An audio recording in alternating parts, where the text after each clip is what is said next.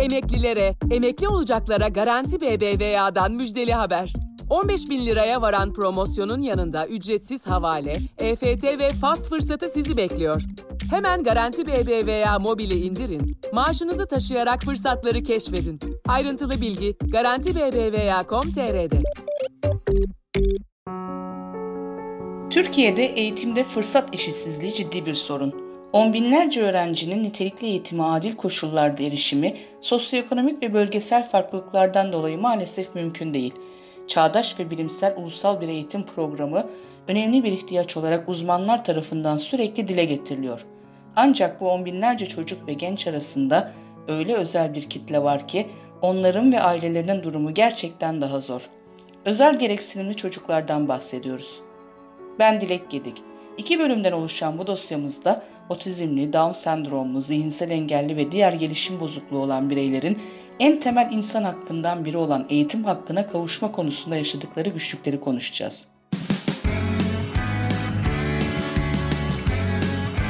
Oku, dinle, izle.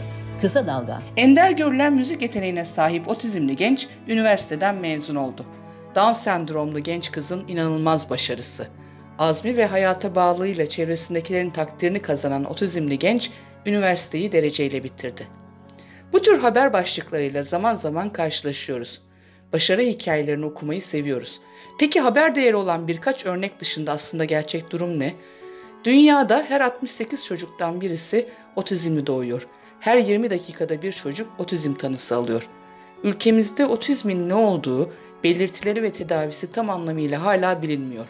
Net bir araştırma olmamasına rağmen Türkiye'de 1,5 milyon otizmli birey bundan etkilenen aileleri de içine kattığımızda 4,5 milyon kişinin etkilendiğini söylemek mümkün. Bunlar sadece otizmle ilgili tahmini rakamlar.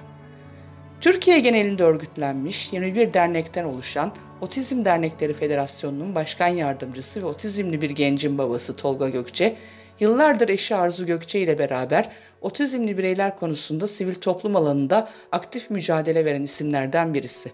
Öncelikle bu özel çocukları ondan dinleyerek başlayalım.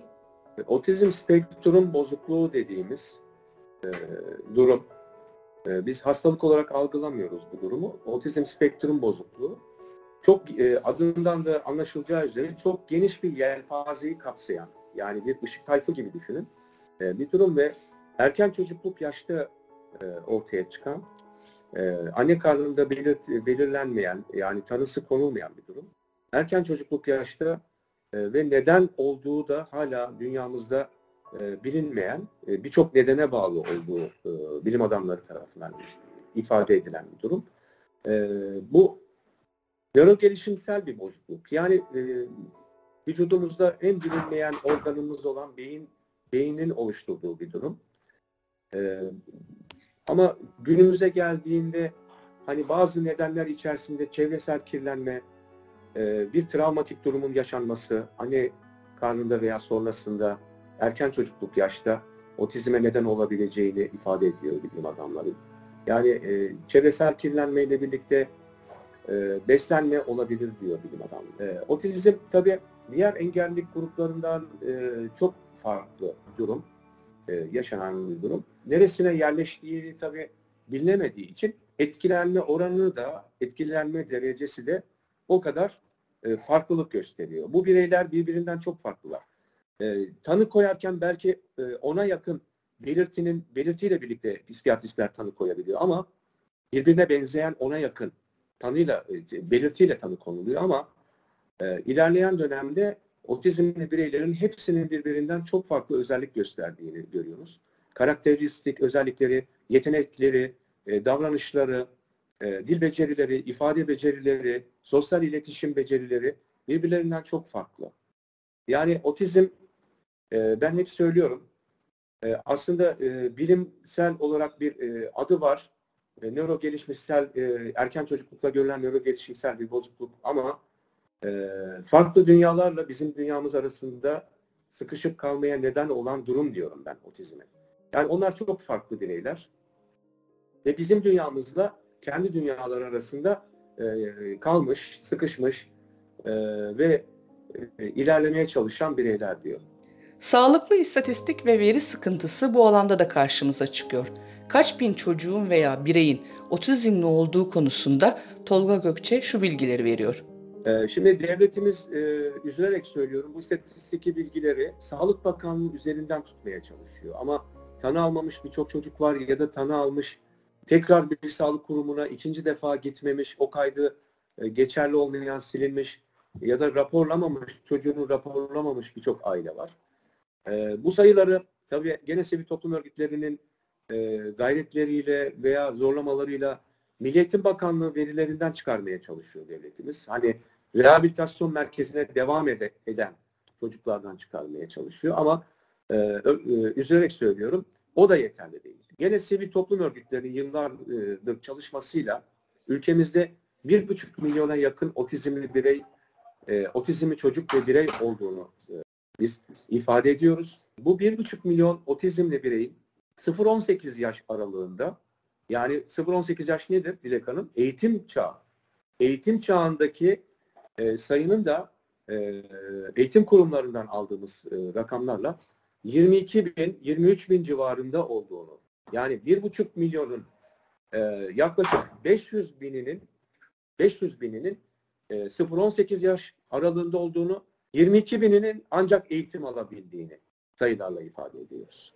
Yani yüzde beşe bile denk gelmiyor. Yüzde beş bile değil. İlkokul çağına, çağında eğitim kurumuna çocuğunu kaynaştırma, ramdan geçirip okuldan, okul engelinden yani bu 200 metre engelli koşu gibi düşünün. Takıla takıla aileler gidiyor ve düştüğü yerde kalıyor aileler. İlkokul çağına getirip ilkokul sıralarında e, devam ettiren çocuk sayısı çok az. Ortaokul, lise daha az. Üniversite bir elin parmakları kadar. Bu e, nitelikli eğitimler, kesintisiz yoğun eğitimlerle ilerleyen çocuklar okul çağına geldiklerinde e, işte kreş, anaokulu ve e, ilkokul çağına geldiklerinde eğer hazır duruma geldilerse yani akranlarıyla birlikte aynı sıralarda, aynı mekanlarda e, eğitim almaya hazır duruma geldilerse e, tabii bir rapor, sağlık kurulu raporuyla birlikte e, bulundukları il, ilin ilçesindeki rehberlik araştırma merkezine gidiyorlar ve rehberlik araştırma merkezleri Milli Eğitim Bakanlığı'na bağlı ve oradaki çalışanlar öğretmen, özel eğitim öğretmenleri. Onların eğitsel değerlendirmesinden geçen çocuklar kaynaştırma eğitimine uygun görülürlerse bu değerlendirme sonucunda devlet okullarına veya özel okullardaki akranlarıyla birlikte süre gelen eğitim sistemine dahil olabiliyorlar. Ancak burada da eksikler var. Yani doğru değerlendirme birçok yerde yapılmıyor. Doğru de- değerlendirme yapılmadan yani hastane sağlık kurulu raporuna bakarak değerlendirme yapılıyor. E, aslında İkisi birbirinden çok farklı. Sağlık kurulu raporunda ağır durumda otizm tanısı almış yani özel koşul gereksinimi var durumunda olan bir çocuk eskiden hafif orta ağır şeklinde derecelendiriliyordu. Ama e, bir iki yıldır Sağlık Bakanlığı bu derecelendirme ölçetini, ölçeklerini değiştirdi. Özel gereksinimi var ve özel koşul gereksinimi var şekline değiştirdi. Eğer e, eskiye e, ile e, yan yana koyarsak özel koşul gereksinimi var. Yani ağır durumda otizmli raporu almışsa e, birçok rehberlik araştırma merkezinden kaynaştırma raporunu bu çocuklar alamıyorlar. O rapora bakarak gerçek eğitsel durumu değerlendirilerek değil. Tabii bu noktada bizler sivil toplum örgütleri eğer e, durum bize iletildiyse e, konuya hemen dahil olup durumu düzene sokmaya çalışıyoruz. Ama e, Anadolu'da işte ülkemizde e, e, yani böyle bir niteliğe sahip olmayan, böyle bir beceriye sahip olmayan aileler, e, bilmeyen aileler o eğitim kurumlarının kapılarından geri dönüyorlar ve çocuklarıyla evlerinde rehabilitasyon merkezi gerçeğinden başka bir eğitim sistemine dahil olamıyorlar. Özel çocuklar için olmazsa olmaz erken tanı ve ardından kesintisiz eğitim. Bu çocuklara bir süredir özel gereksinimli çocuk dendiğinde hatırlatalım. Raporlarında artık engelli oranı değil, özel gereksinimli olup olmadıkları belirtiliyor. Ve bu çocuklar veya gençler özel rehabilitasyon merkezlerinde haftada sadece 8 saatlik eğitimle sınırlı özel eğitimden yararlanabiliyorlar. Yararlanabilenler tabii ki. Ahmet Hasan Eroğlu da Çocuk Yuvası ve Yetiştirme Yurdu Müdürlüğü yapmış, Fiziksel Engelliler Derneği başta olmak üzere engelliler konusunda sivil toplum çalışmalarını sürdüren ve şu anda özel çocukların eğitim aldığı rehabilitasyon merkezlerinin sahibi bir isim. Bir şekilde eğitim sistemin içine dahil olmayı başaran özel çocukların yaşadığı zorlukları Eroğlu şöyle anlatıyor. Bu çocukların uyum süreci e, öbür çocuklara göre daha zor. Yani ilk defa belki aileden kopuyor, iletişim, tanımadığı insanlarla iletişimi çok zor. Bu uyum döneminde birdenbire çocuğun birdenbire uyum sağlaması bekleniyor. Özel alt sınıf bile olsa.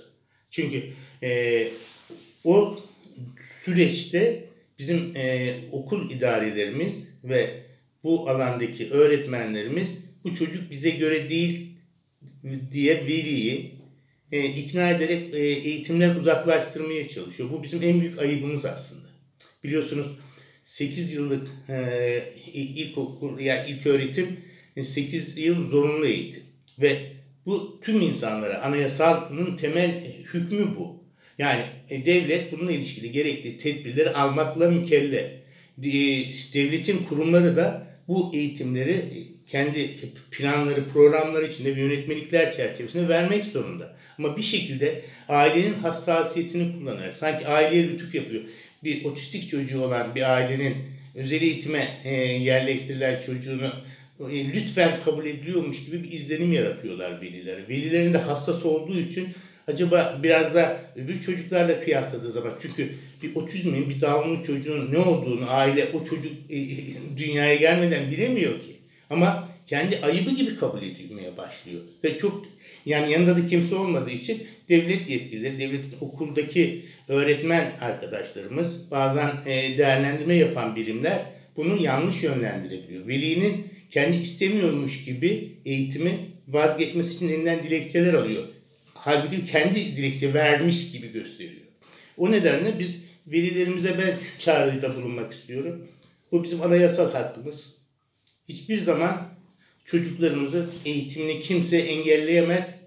A okulu, A sınıfı ve durumuna uygun sınıflarına kadar her gittiği okulda raporlaştırarak sonuna kadar bunun arkasında durulması gerekiyor.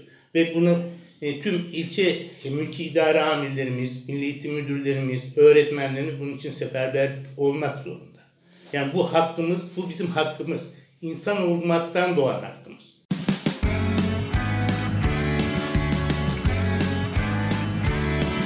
Kulağınız bizde olsun. Kısa Dalga Podcast. Yıllardır özel çocuklarla bir arada olan Esra öğretmende söz sırası. Türkiye'de eğitim denilince akla sadece akademik eğitim geliyor. Ama bizim çocuklarımız için eğitim Türkçe ve matematikten ibaret değil diyen özel eğitimci Esra İçiyen Aktaş, özel çocuklar için onların engel durumunu ortadan kaldıran bir ilaç olmadığına ve eğitimin önemine dikkat çekerek şöyle konuşuyor. Bireyselleşmeleri kendi hayatlarını idame ettirebilmeleri için iyi bir eğitim her çocuğun olduğu gibi bizim çocuklarımızın da en temel hakkı. Ailelerin en büyük korkusu kendilerine bir şey olduktan sonra çocukların başkalarına muhtaç olarak yaşaması. O yüzden alınan eğitim bizim çocuklarımızın ve ailelerin hayatını doğrudan etkiliyor. Türkiye'de eğitim denilince akla sadece akademik eğitim geliyor. Ama bizim çocuklarımız için eğitim Türkçe matematikten ibaret değil. Ayrıca maalesef ki herhangi bir engelden etkilenmiş bireylerin kullanabileceği bu engel durumunu tamamen ortadan kaldıran bir ilaç yok. Çocuklarımızın ve ailelerimizin elinde olan en büyük etken özel eğitim. Özel eğitim zaten adı üzerinde bir çocuk için yaşına ve en önemlisi gelişim özelliklerine uygun hazırlanan bireyselleştirilmiş eğitim demek. Özel eğitimle birlikte birçok durum aşılarak e, çocuğumuzun akranlarına en yakın hale getirmeyi amaçlıyoruz. E, hatta bazı eğitimle, bazı eğitimle birlikte engel raporu tamamen ortadan kalkan öğrencilerimiz var. İlk geldiğinde 3 yaşında olmasına rağmen bil kememizin bile olmadığı, tamamen duysal eksikliği olan, hiçbir yüzeye bağımsız şekilde dokunamayan, ismine söylendiğinde bakmayan, kendi dünyasına çekilip hiç kimseyi kabul etmeyen ve otizm tanısı almış bir öğrencimiz 4 yıllık bir eğitimle şu an yaşıtlarıyla birlikte ilkokulda kaynaştırma öğrencisi olarak devam ediyor. Ya da başka bir öğrencimiz LKPSS ile atanıp şu an Allah Kaymakamlığında çalışıyor. Bunun gibi daha birçok bir hatta onlarca örnek sayabilirim size. Ee, ama burada en önemlisi iş, en önemli iş ailelere düşüyor. Erkek çocuğu geç konuşur. Zaten bizim ailede genetik gibi şeylerle zaman kaybetmektense en yakın zamanda bir uzmandan değerlendirme almaları gerekiyor. Bir gün bir okul müdürü beni aradı ve hocam 5 yaşın 5. sınıfa giden bir öğrencimiz var. Hala okuma yazma öğrenemedi. İçine kapanık bir çocuk. Aileyle konuşup bir değerlendirme alır mısınız dedi. Ee, ben tabii ki diyerek ailenin evine kadar gittim ama aile durumu kabul etmedi. Aksine ablası da 7. sınıfta öğrendi hocam konuşmayı. Hani sıkıntı yok. Bu çocuk zaten 7. sınıfa 8. sınıfa geldiği zaman ablası gibi konuşmayı öğrenecektir dedi. Yani e, maalesef ki böyle örneklerle de çok karşılaşıyoruz. Olay sadece okuma yazmadan da ibaret değil. Eğer çocuk sınıfında arkadaşlarından ciddi derecede geri kalmışsa bu çocuğun özgüveni de zedeliyor. İleriki hayatında yani çalışmaya başladığında ya da evlendiğinde bile bu özgüven eksikliği maalesef ki başka boyutlarda karşımıza çıkıyor. Bu yüzden özel eğitim özel çocuklarımızın hayatında en büyük yerde olmalı ya da aslında öyle olmalı diyebiliriz. Aynur Dankas, Zihinsel Özürler Federasyonu Başkanı. Biri otizmli, iki yetişkin engelli bireyin annesi. Ailelerin şu anda yaşadığı en büyük sorunun çocuklarının okullara kabul edilmemesi olduğunu belirterek destek eğitim saatlerinin de artırılması gerektiğine inanıyor. Engellilerle ilgili pek çok çalışmalar yapılıyor. Ee, yönetmelikler ve haklarla ilgili önceki yıllara göre değişen ve gelişen dünyaya paralel olarak e, bir sürü kazan, e, kazanımlar getirmekle birlikte henüz istediğimiz noktada değil. E, ben hep şunu söylüyorum. 2005 yılında çıkan 5378 sayılı yasa e, ülkemizin ilk engelli yasası. Çok önemli bir yasa. E, bu bir milattır. Ancak yönetmelikler e, yasanın tüm engellere e, eşit oranda uygulanmasını mümkün kılmamaktadır. Bunun için de e, eğitim hakkı da vardır. E, eğitimde fırsat eşitliğinden e, yola çıkmamız gerekiyor. Her engellinin kendine uygun eğitimi alması gerekiyor. Eğitim aslında çok uzun, çok çok çok uzun bir konu. Ama bugün en büyük eksiklik her bireyin özellikle ailelerin şu anda yaşadığı sorunlar okullara kabullenilmemesi, e, aslında var olan sistemde, mevcut yönetmelikte okullara kaydının olacağı ancak e, özel bireyin müdürler ve öğretmenler tarafından kabul edilmemesi bizim de kabul edemeyeceğimiz bir yere e, getiriyor çocuklarımızı. Bu çok önemli bir nokta. Bununla ilgili acilen önemli adımlar atılmalı. Aslında Sayın Bakanımızın açıklamasında e, her engellinin okula kabul edildiği söyleniyor ama e, bu arada e, sosyal medya güçlü bir iletişim aracı biliyorsunuz. Orada pek çok ailenin sorunları aslında yansıtılıyor. E, bir de en büyük sorunumuz e, engellerimizde e, mevcut yeterli eğitim dışında destek eğitimleri, rehabilitasyon merkezlerinde verilen destek eğitimi saatlerinin e, devlet tarafından desteklenilen ayda 12 saatinin bunun 8 saati bireysel, 4 saati grup eğitime daha fazla sayıya çıkarılması gerekli olduğunu düşünüyoruz. Bu pek çok e, sorunun da e, çözüleceği noktasında e, iyi bir e, başlangıç olacaktır. Cumhurbaşkanı Recep Tayyip Erdoğan'ın masasında duran 416 sayfalık bir rapordan da bahsedelim. Down sendromu, otizm ve diğer gelişim bozukluklarının yaygınlığının tespiti ile ilgili bireylerin ve ailelerinin sorunlarının çözümü için alınması gereken tedbirlerin belirlenmesi amacıyla kurulan Meclis Araştırma Komisyonu raporu. Türkiye Büyük Millet Meclisi'nde kurulan Araştırma Komisyonu'nun raporunu geçen yıl Mart ayında tamamladı. Otizm eylem planı ise 5 yıl önce resmi gazetede yayınlandı.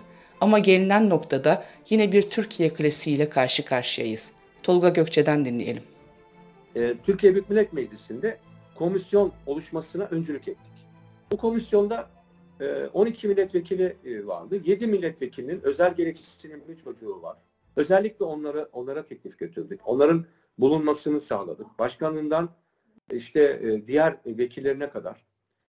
Beş partinin tamamından oluşturduk. Hem iktidar partisi hem muhalefet partilerinin tamamından oluşan e, gerçekten nitelikli bir e, komisyon oluştu ve pandemi de dahil edersek iki yıl içerisinde, iki yıl boyunca ciddi çalışmalar yaptı. Önce sivil toplum örgütlerini çağırdı ve e, Ankara'da mecliste e, uzun toplantılarla, defalarca süren toplantılarla dinledi. Eylem planını bir daha irdeledi. Eylem planını eksenleriyle, taslaklarıyla, önerileriyle tekrar açtı. Bu çalışmayı yaptı. Tabii bizlerle beraber yaptı komisyon. Objektif bir şekilde çalıştı. Ee, sahadaki yani alandaki aileleri dinledi, akademisyenleri dinledi. Hem sağlık alanındaki hem e, eğitim alanındaki bütün akademisyenleri, bütün çalışanları dinledi. Ve e, bu yılın başında 416 sayfalık bir rapor çıkardı. Yani eylem planının o 72 maddelik HAP eylem planının açılımını e, yaparak 416 maddelik bir eylem e, bir e, taslak e, kitap haline getirdi. Bu taslak şu anda o günden itibaren, Şubat ayından itibaren Cumhurbaşkanımızın önünde. Nihai kararı kendisi verecek. Cumhurbaşkanı tabii ki e, birçok hani e, eylem planını hazırladık. Türkiye Büyük Millet Meclisi komisyonunu kurdurduk ve raporlamayı yaptık ama üzülerek söylüyorum bu çalışmaların içerisinde bir bütçe çalışması yapılmadı. İşte isteklerimizin fizibilitesi, bütçesi, Maliye Bakanlığı ile bir çalışma yapamadık. Onlar yaklaşımda bulunmadılar. Birçok maddenin, birçok isteklerin Maliye Bakanlığı'nın kapısından döndüğünü biliyoruz. Yani şöyle düşünün, sadece engellilik alanında değil, birçok e, alanda da, işte tarımsal alanda, hayvancılık alanında, ne bileyim, sanayi alanında bile bütçesi hazırlanmamış, fizibilitesi yapılmamış hiçbir şey hayata geçmiyor. Değil mi? İşte eylem planı da o yüzden e, bütçelendirilmediği için biz bu çalışmaların yapılmasını çok istedik. Yani ayağı yere basan bir eylem planı olsun diye.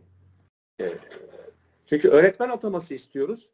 E, 20 bin, 25 bin özel eğitim öğretmeni açığı var ülkemizde. E, öğretmen ataması için bütçe çalışması istiyoruz. Yapılmıyor. Yani 500 tane, 1000 tane öğretmen atanıyor bir yıl boyunca. Bu yeterli değil. Yani bunun yeterli olmadığını biz Milli Eğitim Bakanlığımıza defalarca e, ifade ediyoruz. Çünkü rehabilitasyon merkezlerinde çalışması gereken özel eğitimci olmasına rağmen atanamayan Türkçe tarih edebiyat öğretmeni okuyor. Ya da iki yıllık muhasebe mezunu çocuklar eğitim vermeye çalışıyor bizim çocuklarımıza. Dosyamızın ikinci bölümünde özel çocukların ailelerini dinleyeceğiz. Toplumsal ön yargılara, eğitim sistemi içinde yaşanan zorluklara karşı mücadele eden ve çocuklarının eğitim hakkından geri adım atmayan anne ve babaları. Kısa Dalga podcastleri Demet Bilge Erkasab'ın editörlüğünde Mehmet Özgür Candan'ın post prodüksiyonu ve Esra Baydemir'in hazırladığı görseller ile yayınlanıyor. Kısa Dalga'ya destek vermek için Patreon sayfamızı ziyaret edebilirsiniz.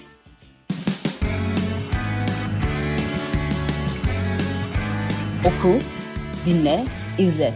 Kısa Dalga. Emeklilere, emekli olacaklara Garanti BBVA'dan müjdeli haber. 15 bin liraya varan promosyonun yanında ücretsiz havale, EFT ve fast fırsatı sizi bekliyor. Hemen Garanti BBVA mobili indirin, maaşınızı taşıyarak fırsatları keşfedin. Ayrıntılı bilgi Garanti BBVA.com.tr'de.